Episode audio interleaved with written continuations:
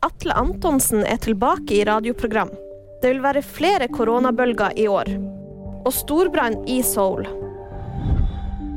Atle Antonsen er tilbake i Misjonen.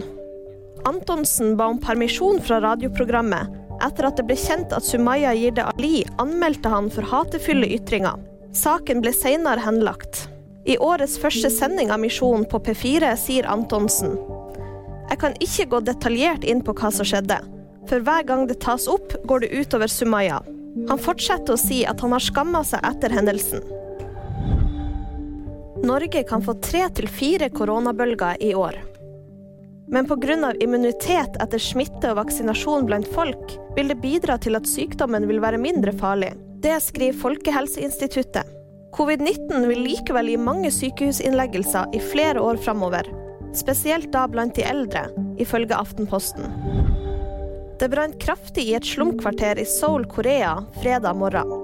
Rundt 500 mennesker ble evakuert, og rundt 60 boliger kan være tapt. Brannen fant sted i Goryong-slummen i Seoul.